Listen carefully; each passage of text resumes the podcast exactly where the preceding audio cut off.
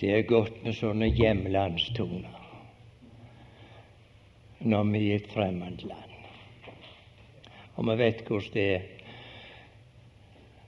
når vi hører hjemlandstonene våre. For det land vi er i denne verden, så er det godt for oss. Enn mer her. Og han har vært lest ifra hebreerbrevet om det hjemlandet vi har. Gud gi dem å bli oss mer og mer kjært. Og jeg kjenner for min del Jeg vet jeg nærmer meg grensa dag for dag.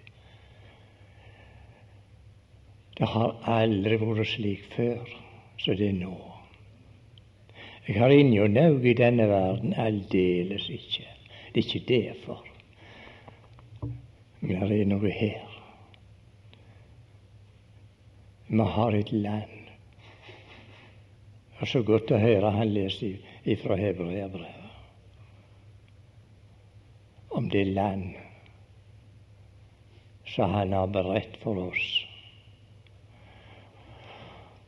Vi kommer aldri der til, men han kommer og henter oss. Så vel er Skal vi fortsatt lese Guds ord? Jeg tenker på i, i første omgang på et par vers ifra Efeserbrevet.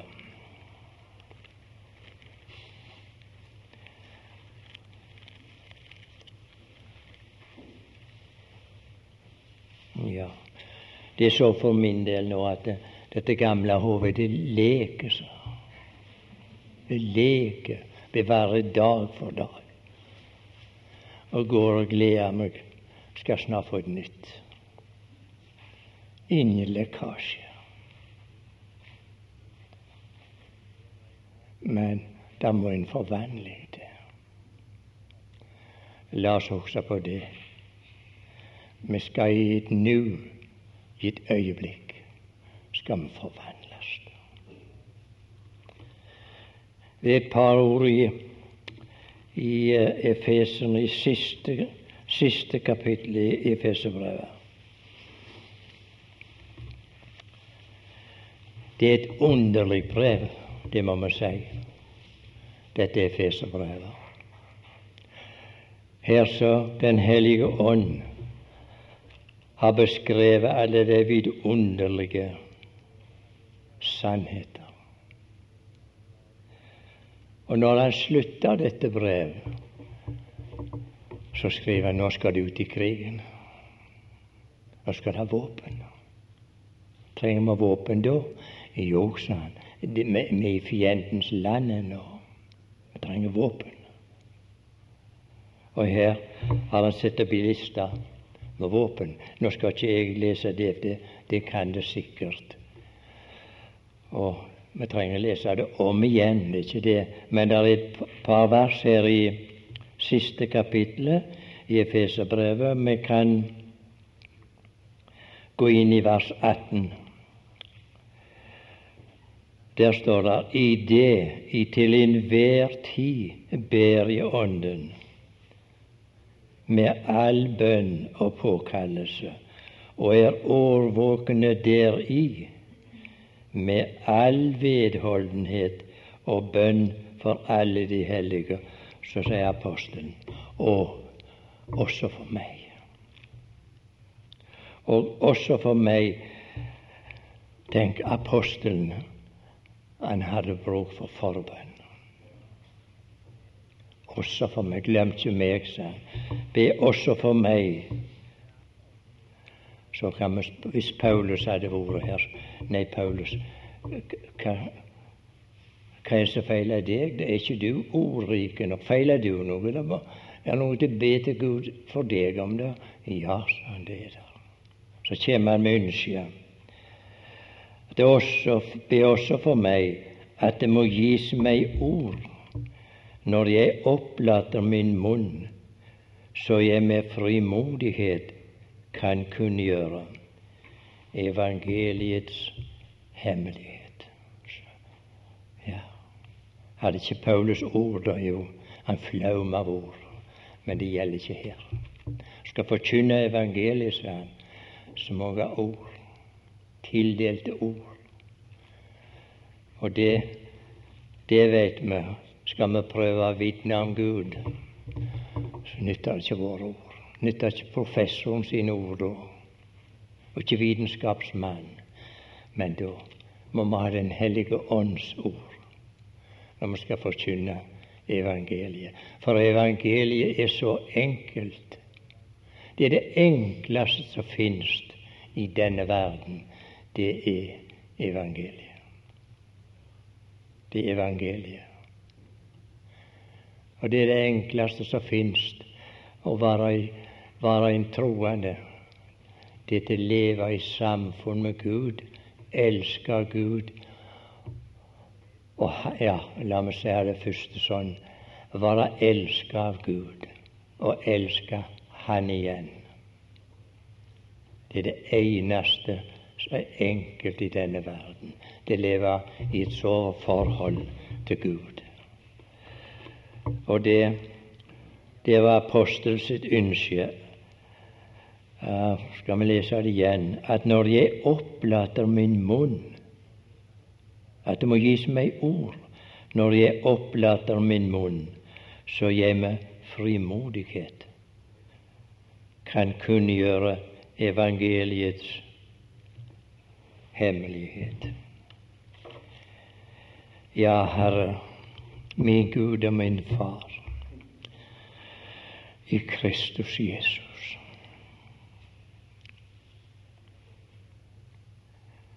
Nå skal jeg prøve at det Den hellige ånd kan gi meg nåde til å vitne om dette Guds evangelie.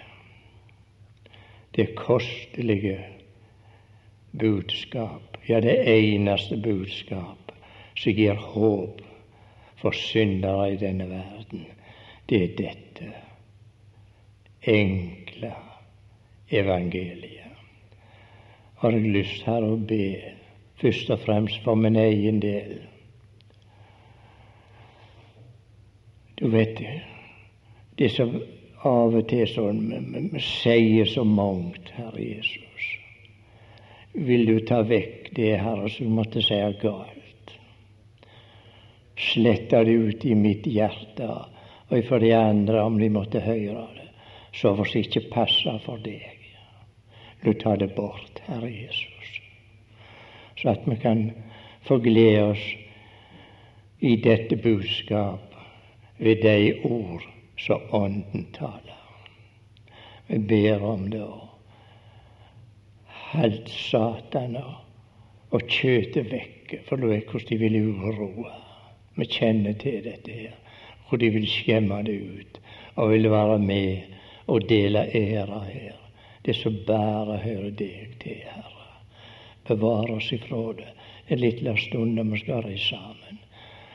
Og få lov å opphøye ditt navn, Herre, og framfor alt glede ditt hjerte. Vi ber om det i Jesu navn.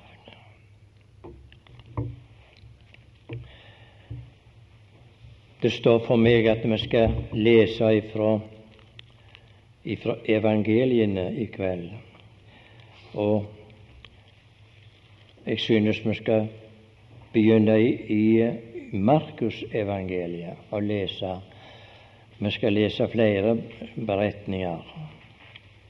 Jeg synes det er alltid så trygt når vi leser mest mulig Guds ord. Mest mulig. Fra Markusevangeliet og kapittel 14. Markus 14. og vi begynner på vers 1.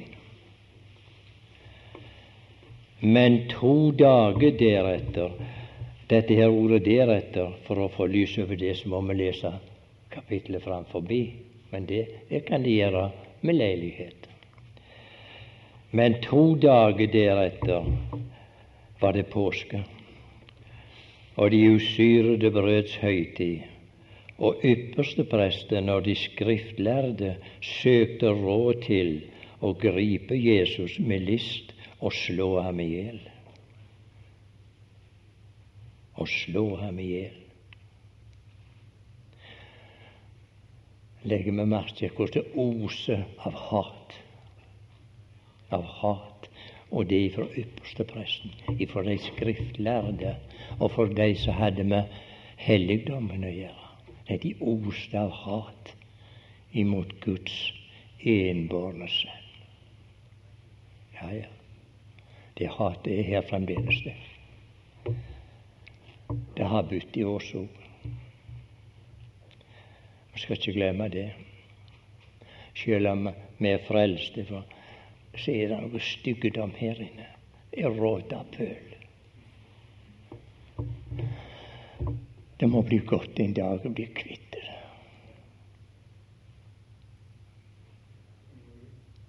Ja, vi videre. De søkte råd å gripe ham med list og slå ham i hjel, for de sa, ikke på høytiden, for at det ikke skal bli oppstyr blant folket. Og mens han var i Betania, i Simon den spedalskes hus, og satt til bords.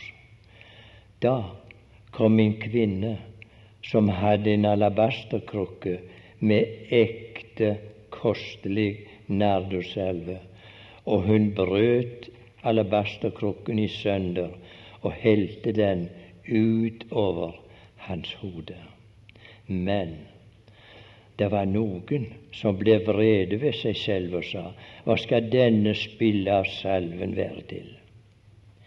Denne salve kunne jo være solgt for mer enn 300 penninger og gitt til de fattige.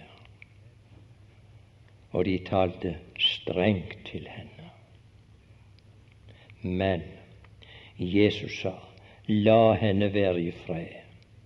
Hvorfor gjør jeg henne fortred?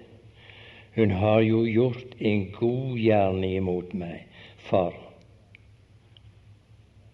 de fattige har de alltid hos eder, og når de vil, kan de gjøre vel imot dem, men meg har de ikke alltid. Meg har de ikke alltid.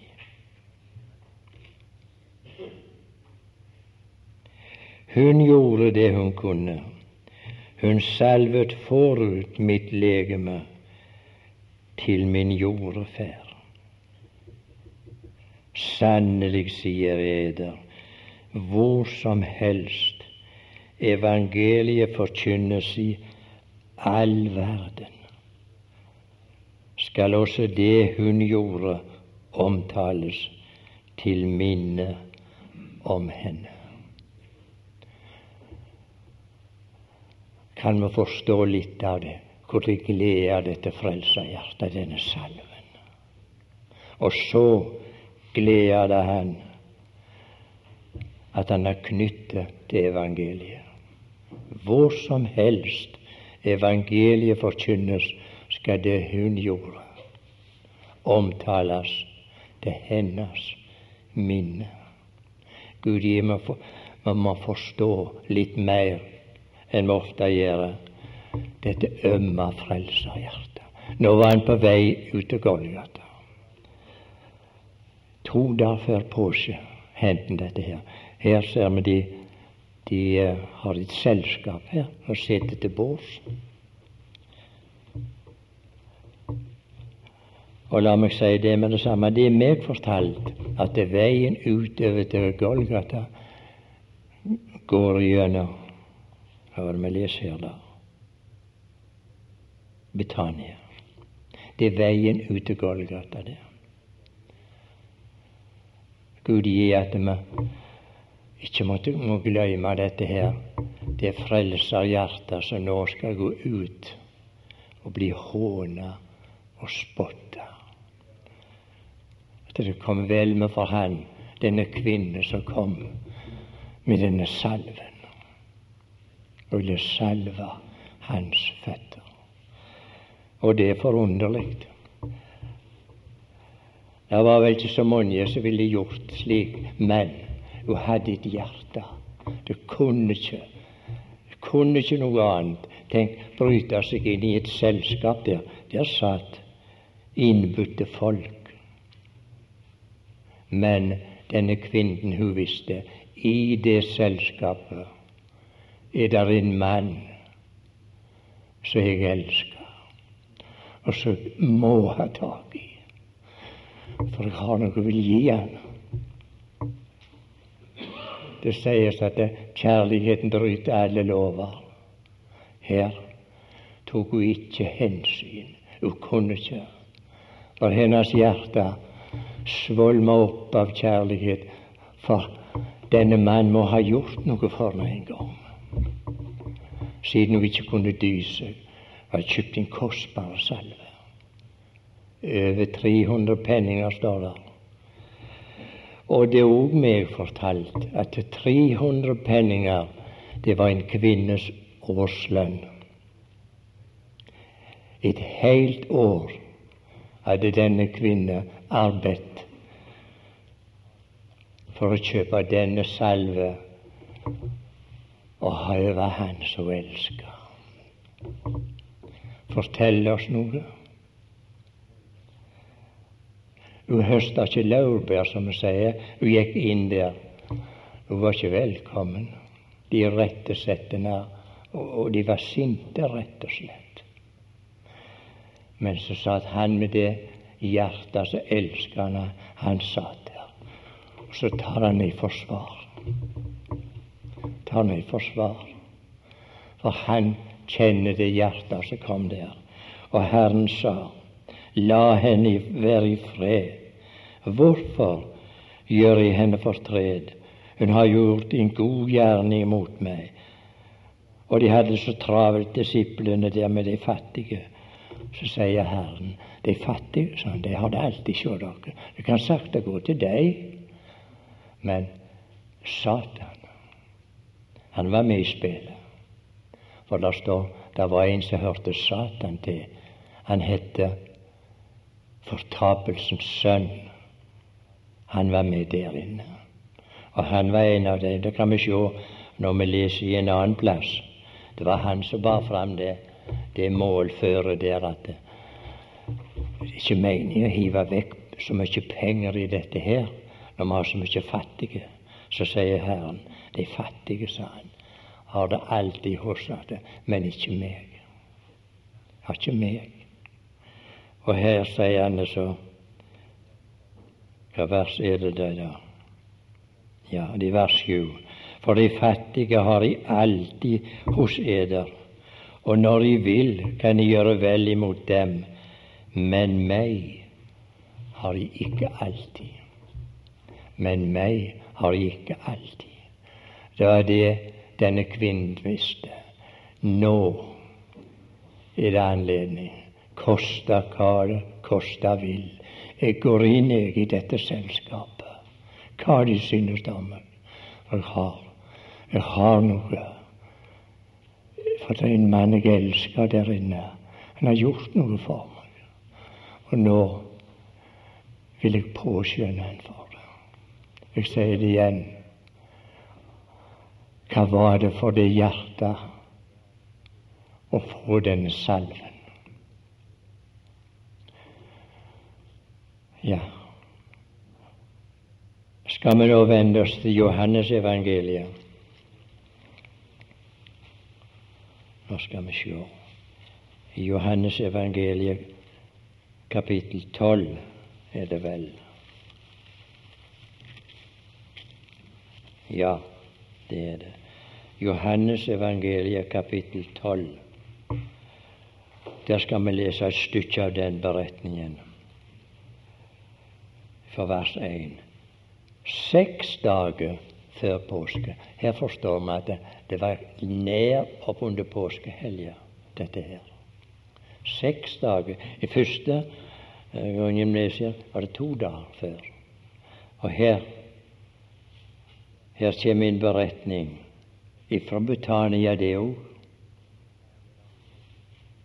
Seks dager før påske kom da Jesus til Betania, hvor Lasarus var, han som Jesus hadde oppvakt fra de døde.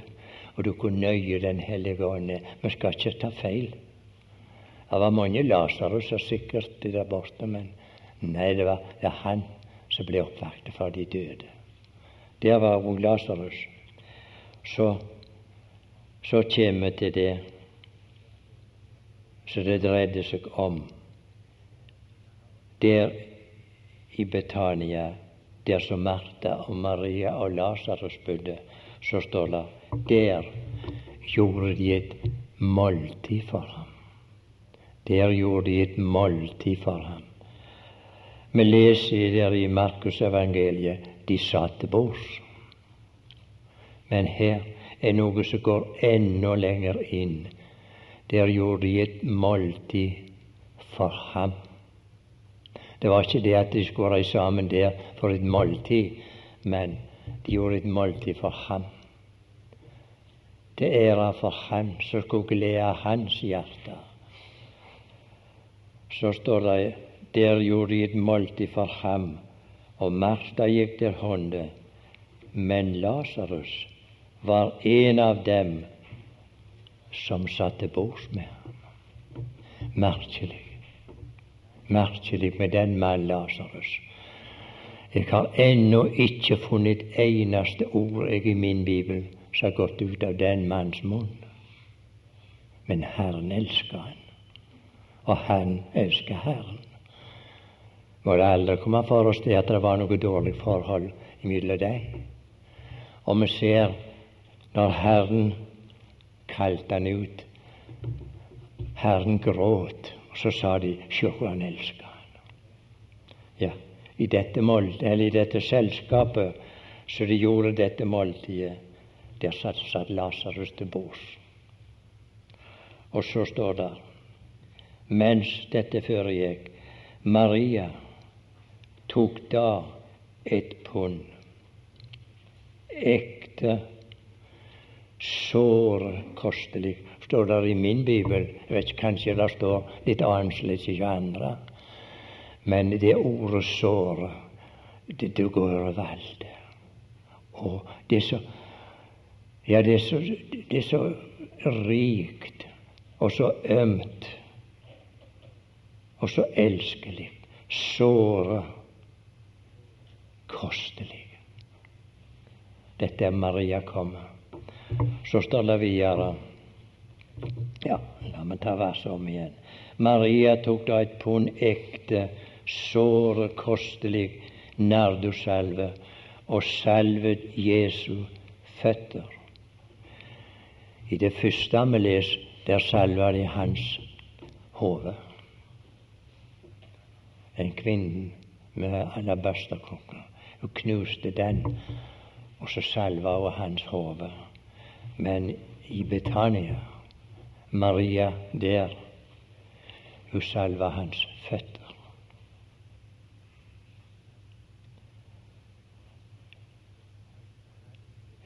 Og salvet Jesu føtter og tørket hans føtter med sitt hår, og huset ble fylt av salvens duft. Ja, det som kan bli stum av forundring. Det står skrevet, vet du, at en kvinnes hår er hennes ære. Ikke sant? Der står det, jeg kan ikke nå si hvor det står, men det er hennes ære. Det var ikke noe problem for Maria ta si ære, og så kunne tørke føttene hans. Kunne spandere sin ære på å tørke de velsigna føtter som nettopp hadde salva. Fortell oss om et hjerte som elsker. Hvorfor? Jo, hun hadde sittet ved hans føtter, hun. Og så hadde hun hørt de livsalige ord. Nå vil du salve dem, så vil du tørke dem. Hun var ikke redd for å si, Maria. Hun tørste føttene hans.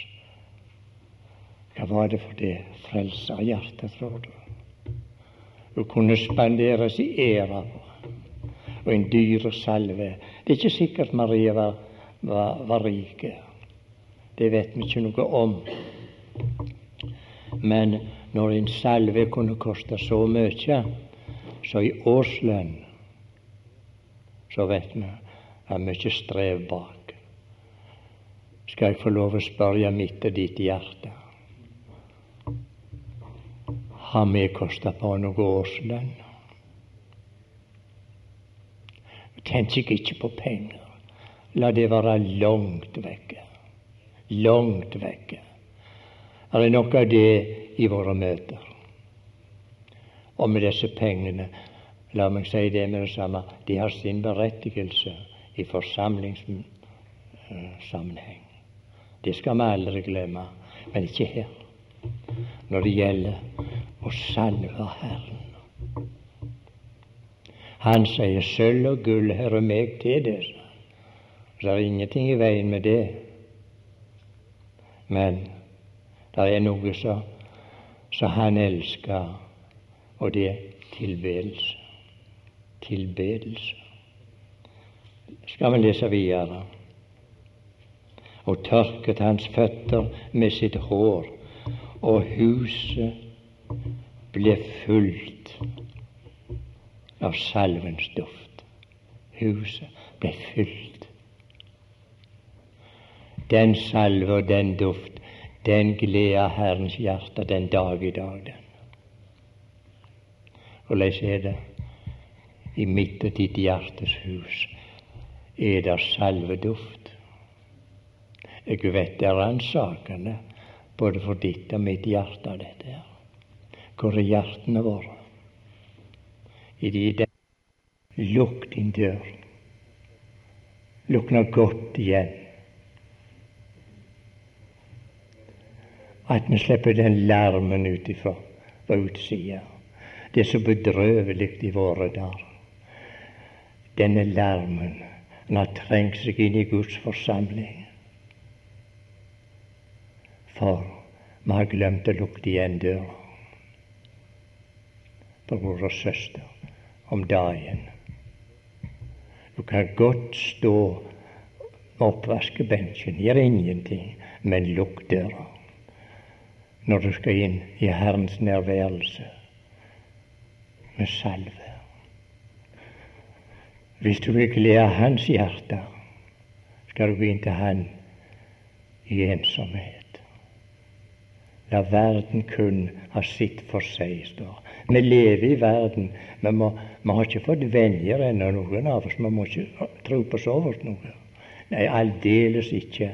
Men midt oppi larmen, lukk igjen døra og gå inn til Han så elsker jeg deg. For der er du velkommen å ha noe med. Ha noe med til Han. Og vi kjenner Han slik. Har du noe å gi Han, så får du mye mer igjen. Så har vi opplevd Han. Jeg tror ikke noen som kan si noe annet. Jo mer vi går inn til Han med tilbedelse, jo mer fyller våre hjerter med takknemlighet. La oss lese videre, vers 4.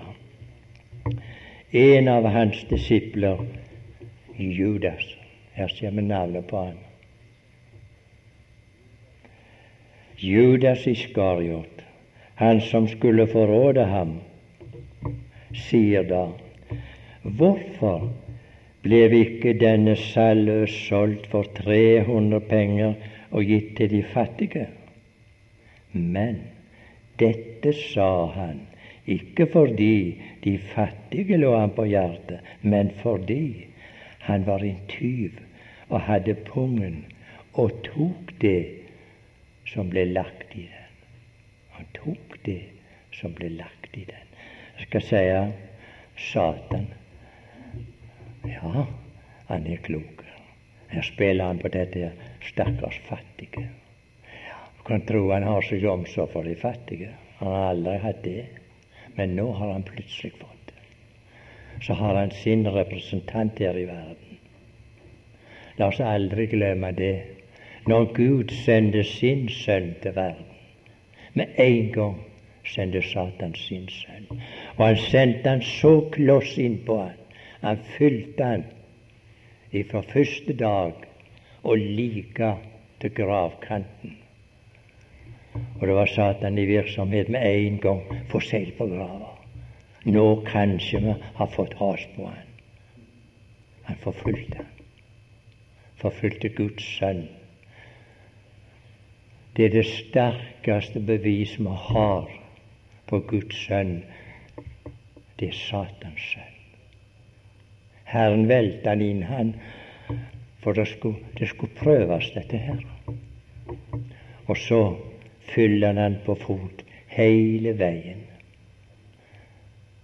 Og vi har lagt merke til det, ikke sant?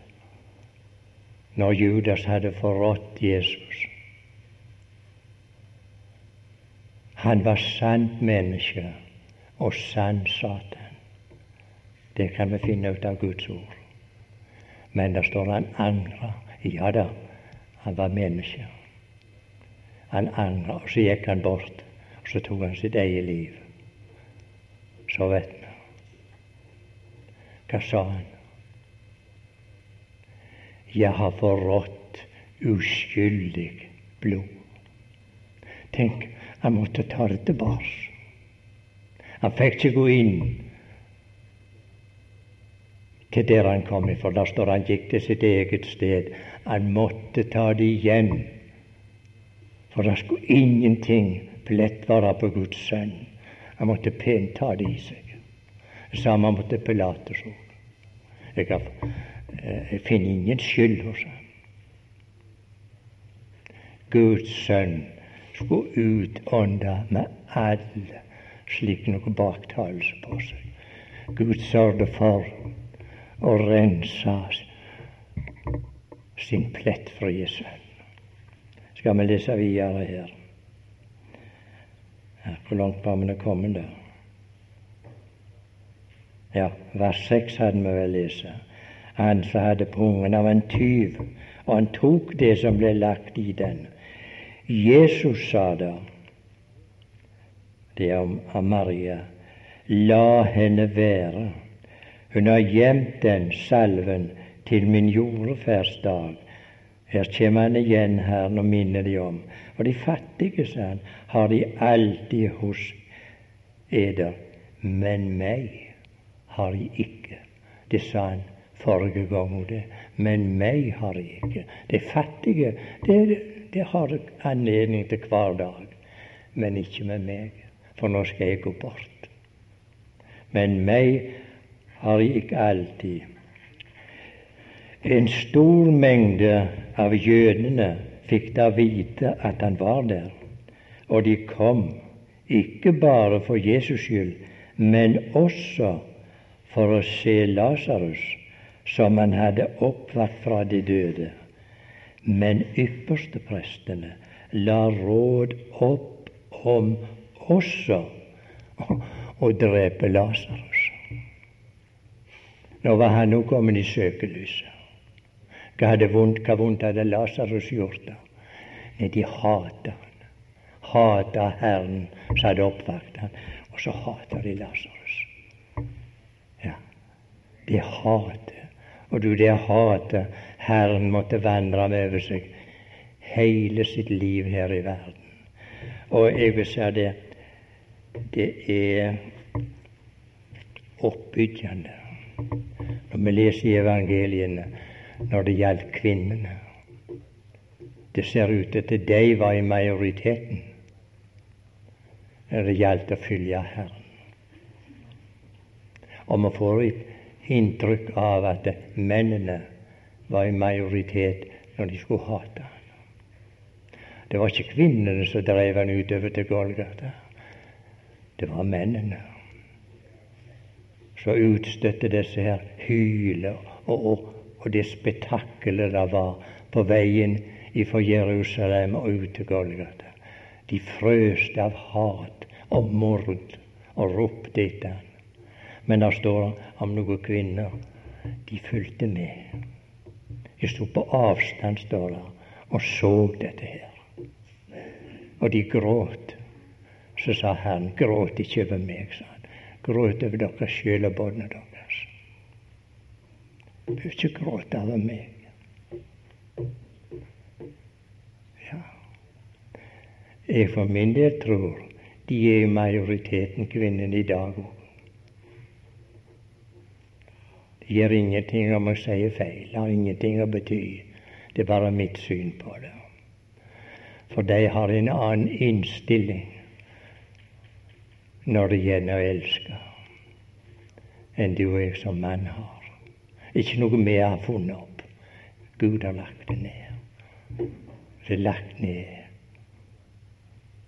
av guddommelig hensyn.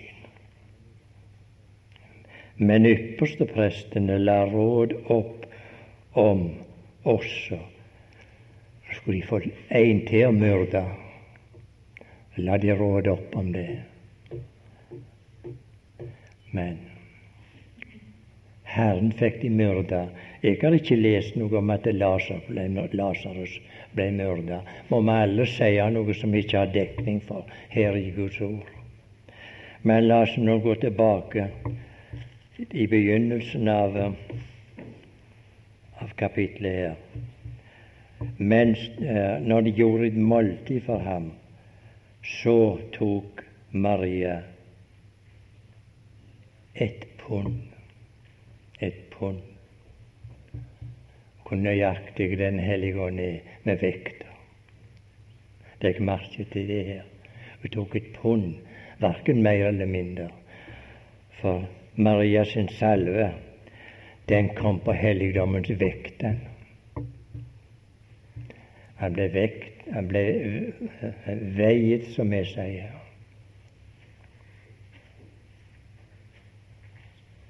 Kan jeg med det samme få spørre, når du og jeg lager til salve, har vi lurt under noe?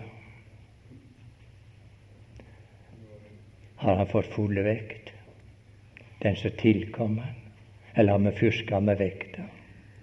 Du vet det sjøl, og jeg vet det. I pund.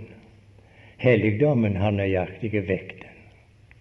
Så står det videre var ikke bare et pund, men så står det noe som er hjertegripende og skjærende.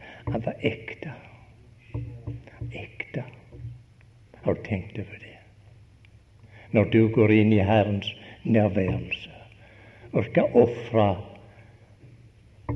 takksigelse. salve det ømme frelserhjertet.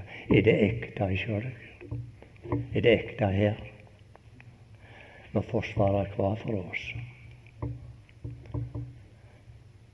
Så ser vi denne salve. Han har vært på helligdommens vekt. Og han har vært inne i helligdommens analyse. Og han kom derifra ut med stempelet. Var ekte. Ekte. Må Herren skue ned i våre hjerter. Sjå, er det ekte, dette her du kommer fram med? Eller er det blanda? Alvorlige tanker. La det ikke bare være i et lite øyeblikk. Vi tenker på så noe. Må det gripe våre hjerter. Men så kommer det et nytt tillegg her i denne sammenheng. Så ble det brakt inn i helligdommens verdsettelse. Og så kommer det ut derifra med stempelet såre kostbart. Ja, jeg skulle ønske jeg hadde såret hjerte. Jeg har et i mitt innvortes menneske. Jeg må rådføre meg med det. Men dette jeg har her å, det bøler fra helvete. Verken mer eller mindre. Jeg sier ikke plukk for mye Rottapøl. Ikke her inne det lir, men i vårt innvortes menneske. Og det er så godt for oss når vi ser den Maria sin salve, hvordan han ble verdsatt og meget såre kostelig. Har vi lyst til å gå inn i Herrens nærværelse om dagen. Herre, nå kommer jeg med det du har gitt meg. Jeg har ikke produsert salven, men jeg har fått, fått den av deg. For vi leser Herren ville ha tiende av det de bar fram. Han ville ha tiende av det han har gitt oss, som vi får bære fram til. Jeg vet ikke om det er det mulig at jeg tar munnen for fulle. Jeg vet ikke det. Du får betrakte Guds ord. Det er ikke sikkert jeg har retta uttrykket. Men Herren, han kjenner hjertene. Herren kjenner hjertene. Skal vi ta en beretning? til? har vi tid til det. Jeg vet ikke. Jeg hadde tenkt, og det er en beretning i i Johannes evangeliet i kapittel 20. Jeg tror ikke vi har rett til å si at vi skal lese snart igjennom det. Må det aldri bli slik at vi leser Guds ord at vi har hastverk. Mye bedre la det være. For vi øyelegger mer enn vi forstår med denne hurtiglesninga vår. Må vi ha fred og tid for Herren. La oss ikke glemme det er Herren. Der leser vi fra første vers i kapittel 20. Men på den første dag i uken kom Maria Magdalena tidlig til graven, mens det ennå var mørkt, og hun så at stenen var borte fra graven denne Maria Magdalena. Vi, vi skal se i Matteus 27. Det kan være godt med vi ser der og ser noe om denne Maria Magdalena. Jeg tror det i Matteus 27 står om det. Ja, Matteus 27 vers 55. Her, her kommer det igjen. Men mange kvinner som hadde fulgt ham fra Galilea, de var mange, de. Mange av kvinnene som hadde fulgt ham fra Galilea og tjent ham, sto der og så på i frastand. Iblant dem var Maria Magdalena og Maria Jakobs og Joses' mor og Sebudeus-sønnenes mor. Her har vi fire Marier som er samla. Så står det Nei, skal vi sjå, jeg sier feil her. Men det står en annen plass at denne her Maria Magdalena, Herren hadde drevet sju vonde ånder ut av hennes liv. Tenk hvis noen av oss skulle gått med sju vonde ånder. Tenk for en befrielse. Og dette hadde Herren gjort med Maria Magdalena. Skal du undre oss at du elsker, at du elsker han? Nei, det. Jeg, jeg, må ikke påstå det, men jeg, jeg tror ikke jeg har lest om noen her i, i evangeliene som la sin kjærlighet så for dagen som nettopp Maria Magdalena. Kanskje jeg skulle gjøre det litt kortere, òg, vet ikke. Disiplene Ja, nei, la oss lese det i sammenheng Vi får vers to. Maria Magdalena. Hun løp av sted og kom til Simon Peter og til en annen disippel, han som Jesus elsket, og sa til dem, de har tatt Herren ut av graven, og vi vet ikke hvor de har lagt ham. Peter og den andre disippel gikk da av sted og kom til graven. Men de to løp sammen Og den andre disippel løp i forveien hurtigere enn Peter og kom først til graven. Og jeg må tenke på den stakkars Peter. Han og Johannes løp i sammen. Kan du undre deg på at Johannes kom først til grava. Peter med det hjertet han gikk med. Han hadde bånd på Han kjenner, kjenner ikke den mannen, jeg, sa han. Tenk oss å springe til Kristi grav med et såret hjerte. Så hadde fornektet han. Ja, ja, vi kan tenke det over, over det hver for oss. Han løp hurtigere enn Peter og kom først til graven. Og da han bødde seg ned, så han linklærne ligge der, men han gikk ikke inn. Simon Peter kom der bak etter ham, og han gikk inn i graven og så at linklærne lå der. Peter ville forvisse seg om det. Er det sant, dette her? Er han oppstanden? Han som jeg svor på vi ikke kjente.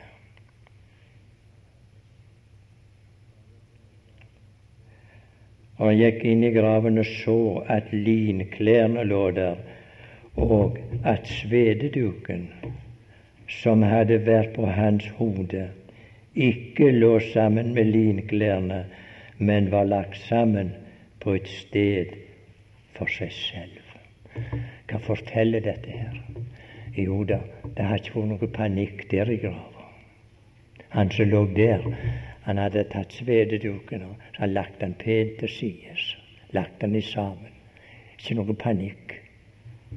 Men det var Guds sønn som lå der. Og dette her la de merke til når de kom inn i grava. At svededuken som hadde vært på hans hode, ikke lå sammen med linklærne men var lagt sammen på et sted for seg selv.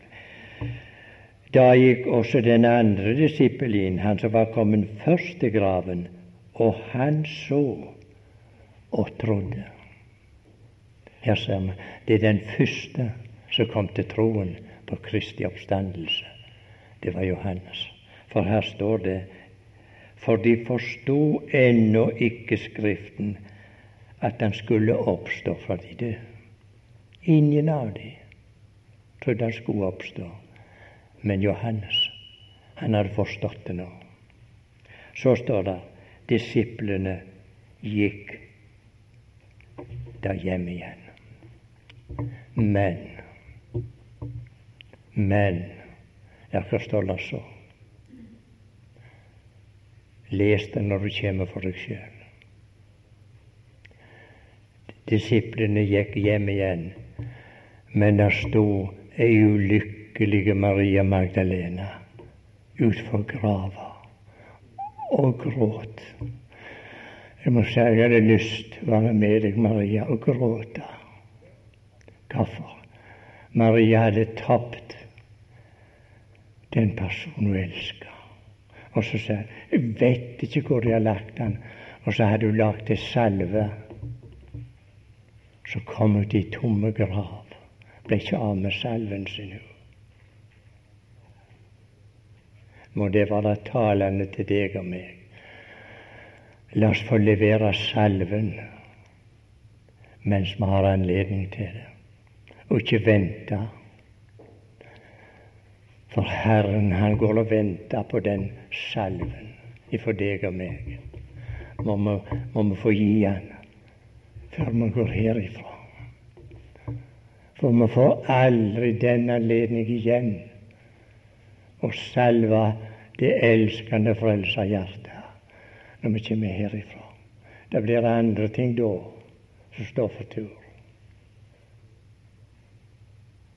La oss be Gud om gi oss salve, ekte salve, kostelige, at vi kan få gi det før det er så trist å lese om Maria Magdalena. Hun hadde hun kjøpt salve. Tidlig hadde hun oppe om morgenen. Og da står det Jeg hadde beredt salven, men hun ble ikke av med den. Hun ble ikke av med den. Hvor han kom av, det vet ikke jeg. Tror ikke hun andre heller vet det. Hun og noen andre, de hadde salve med seg, men de måtte gå. Men Maria fikk oppleve det som var mye bedre.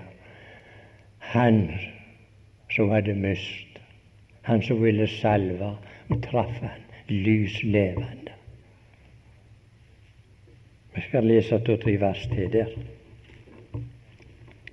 Disiplene de gikk da hjem igjen, men Maria sto utenfor ved graven og gråt. Som hun nå gråt, bøyde hun seg og så inn i graven. Og hun fikk se to engler sitte i hvite klær, en ved føttene, en ved hodet og en ved føttene, der hvor Jesu legeme hadde lagt. Og de sier, altså englene sier til henne, kvinne, hvorfor gråter du? Hvorfor gråter du? Hun sier til henne,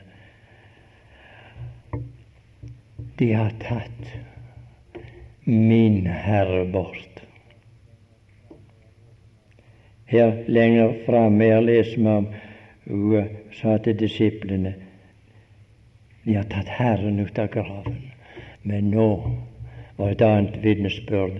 Det var hennes personlige vitnesbyrd. Og hun sier de har tatt min Herre bort, og vet ikke hvor de har lagt han. Jeg vet ikke hvor de har lagt den. Det betydde alt for Maria å finne den avdøde kroppen. At hun kunne få bli av med salven sin. Så leser vi videre her. Jeg vet ikke hvor de har lagt ham. Da han hadde sagt dette, vendte hun seg om og så Jesus stå der. Og hun visste ikke at det var Jesus. Jesus sier til henne, 'Kvinne, hvorfor gråter du?' Kjemmer han med det, kommer han om med det spørsmålet. 'Hvorfor gråter du?' Men han, han kom med et tilleggsspørsmål, han. 'Kvinne, hvorfor gråter du?' Hvem leter du etter? Ikke hva leter du etter, men hvem leter du etter? Maria hadde bare ett svar på det. Jeg leter etter Han som elsker meg. Da kunne ikke det ømme frelserhjertet dy seg lenger. For Maria Magdalena, hun la for dagen var bare Han. Bare Han hun la tak i. Og så sier han Maria. Han står i Guds ord, han kaller sine ved navn. Sa han. Maria. Hvordan virker det?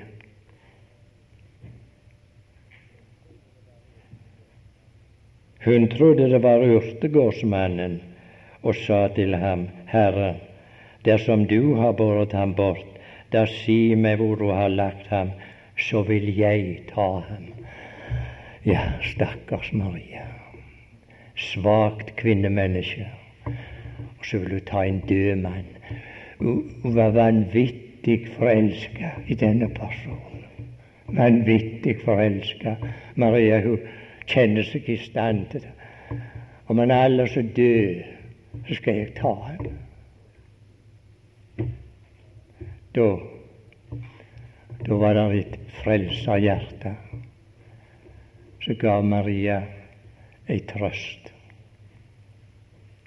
Jesus sier til henne, Maria, den, den røsta kjenner du ifra før, og kjenner igjen. Så fikk hun prov for han er ikke i grava, han er oppstanden.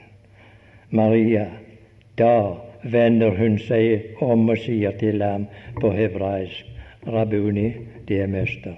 Jesus sier til henne, rør ikke ved meg. For vi leser en annen plass her i, evangeliene. Kvinnene de ville omfavne hans føtter. Jeg kan ikke nå se hvor det står, men du vil finne det en plass. Maria. Og nå endelig har jeg han, og nå skal jeg holde fast på han. Nå vil jeg ikke slippe han. Ville omfavne han. Men Herren sa, nei, Maria, ikke rør meg. Du skal ikke ha meg her. Jeg skal ikke Du skal ikke holde meg her. Men nå skal jeg gå herifra, og da skal jeg ha deg med meg. Da skal, skal du være hos meg. Ja, sånn var han, den oppstandende. Og så sier han noe som aldri hadde vært sagt før. Vi finner ikke et ord om det.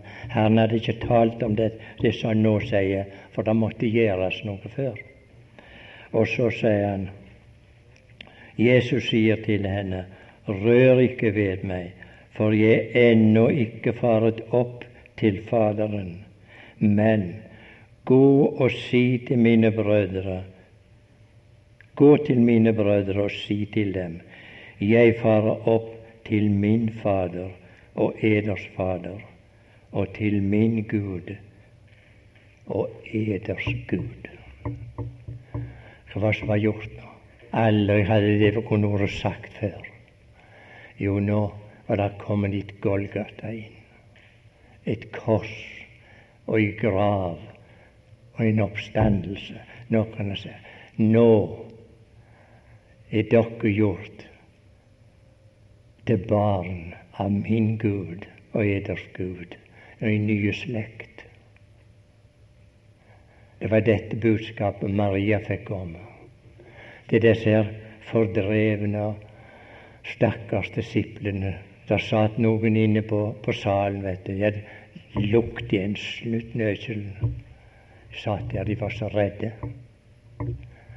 Ja, de var redde for, vet du ikke, men jeg kan godt tenke meg Har de tatt han, så er det oss i neste omgang.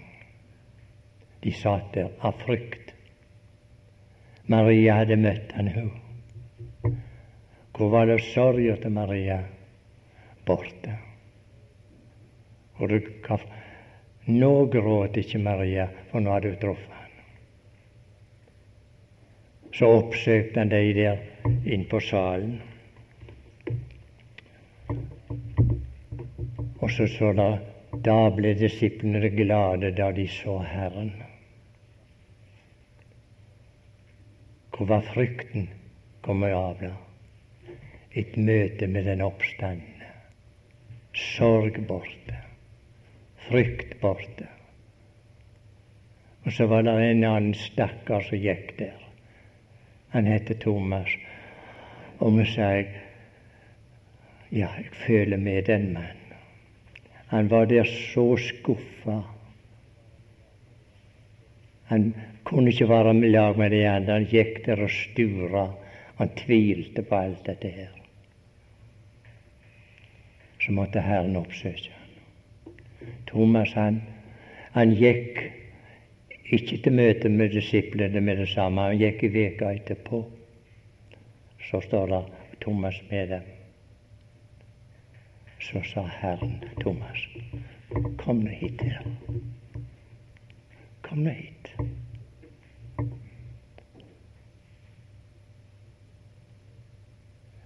Stikk nå fingeren din i såret mine. Legg nå hånda i sida, og ikke gå her og vart tvilende og vantro. Måtte han ha noe langforedrag for han? Snakk om det spontant, sa min Herre og min Gud. Maria sa 'Min Herre', det har de tatt bort. Thomas sa 'Min Herre' og min Gud. Det er det yndigste hva skal jeg si, vitnesbyrd jeg for min del å lese her i Guds ord. Så kort, men Gud hengivet. Min Herre og min Gud. For Thomas elsker Herren, det vet vi. Det står der i kapittel tolv om det òg. For det står Thomas sa, la oss gå og dø med han. La oss bare gå og dø med han. Men Thomas fikk et møte med den oppstandende. Hvor kom tvilen av det? Han var borte. Borte. Sorg var borte. Frykt borte. Tvil borte. Du, er det noe slikt i verden i dag? Er sorg? Er frykt? Er tvil? Ja, hva der ikke er der? Botemiddelet er et møte med den oppstand, et møte med Han. Så er det borte. Ja. Og jeg har tenkt og tenker fremdeles, når vi tenker på disiplene hans, hvordan virker det på dem? Hvis vi vil vite hvordan det gikk, så kan vi lese apostelgjerningene. Der får vi greie på det, hvordan de tok det. Tvilen var borte, frykta var borte. Alt det der, de hadde møtt Herren. Og så skal jeg lese bare ett vers der. Tror det er nokså tidlig framme i apostlene gjerninger der.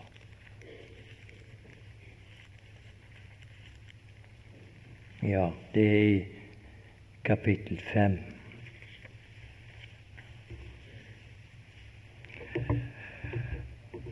Ja. Det var noen som sa ja, de kalte de inn og skulle straffe de, og så sa de skal ikke tale i dette navn. Og så lot de dem gå. Så gikk de da bort fra rådet, glad over at de var aktet verdige til å vanæres for dette navn. Vanæres for dette navn. Var det så for Peter når han var i ytterste prestens gard? Han tålte det ikke, han greide det ikke da. Men vi leser i apostelgjerningene og hadde møtt Herren, så hadde pipa fått en annen lyd. Da ville en ikke engang la seg korsfeste samme veien. Da sa Peter, sies det da, at han, jeg kan henge opp og ned, jeg vil ikke henge samme veien som min Herre hong. Da greide han vanæra. For Kristi vanæra står der, vet vi. Moses han akta Kristi vanære for større rikdom enn Egyptens skatter.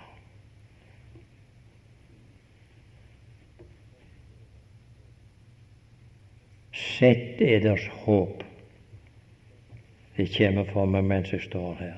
Sett eders håp fullt og fast til den nåde som blir eder til del i Jesu Kristi åpenbarelse.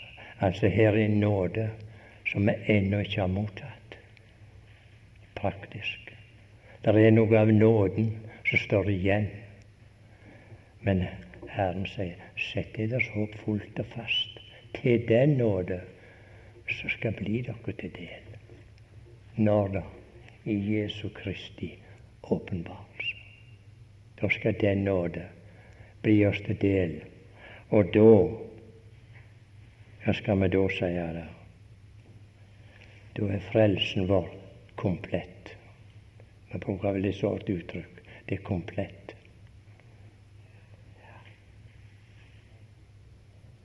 Vi vet det er av Guds ord.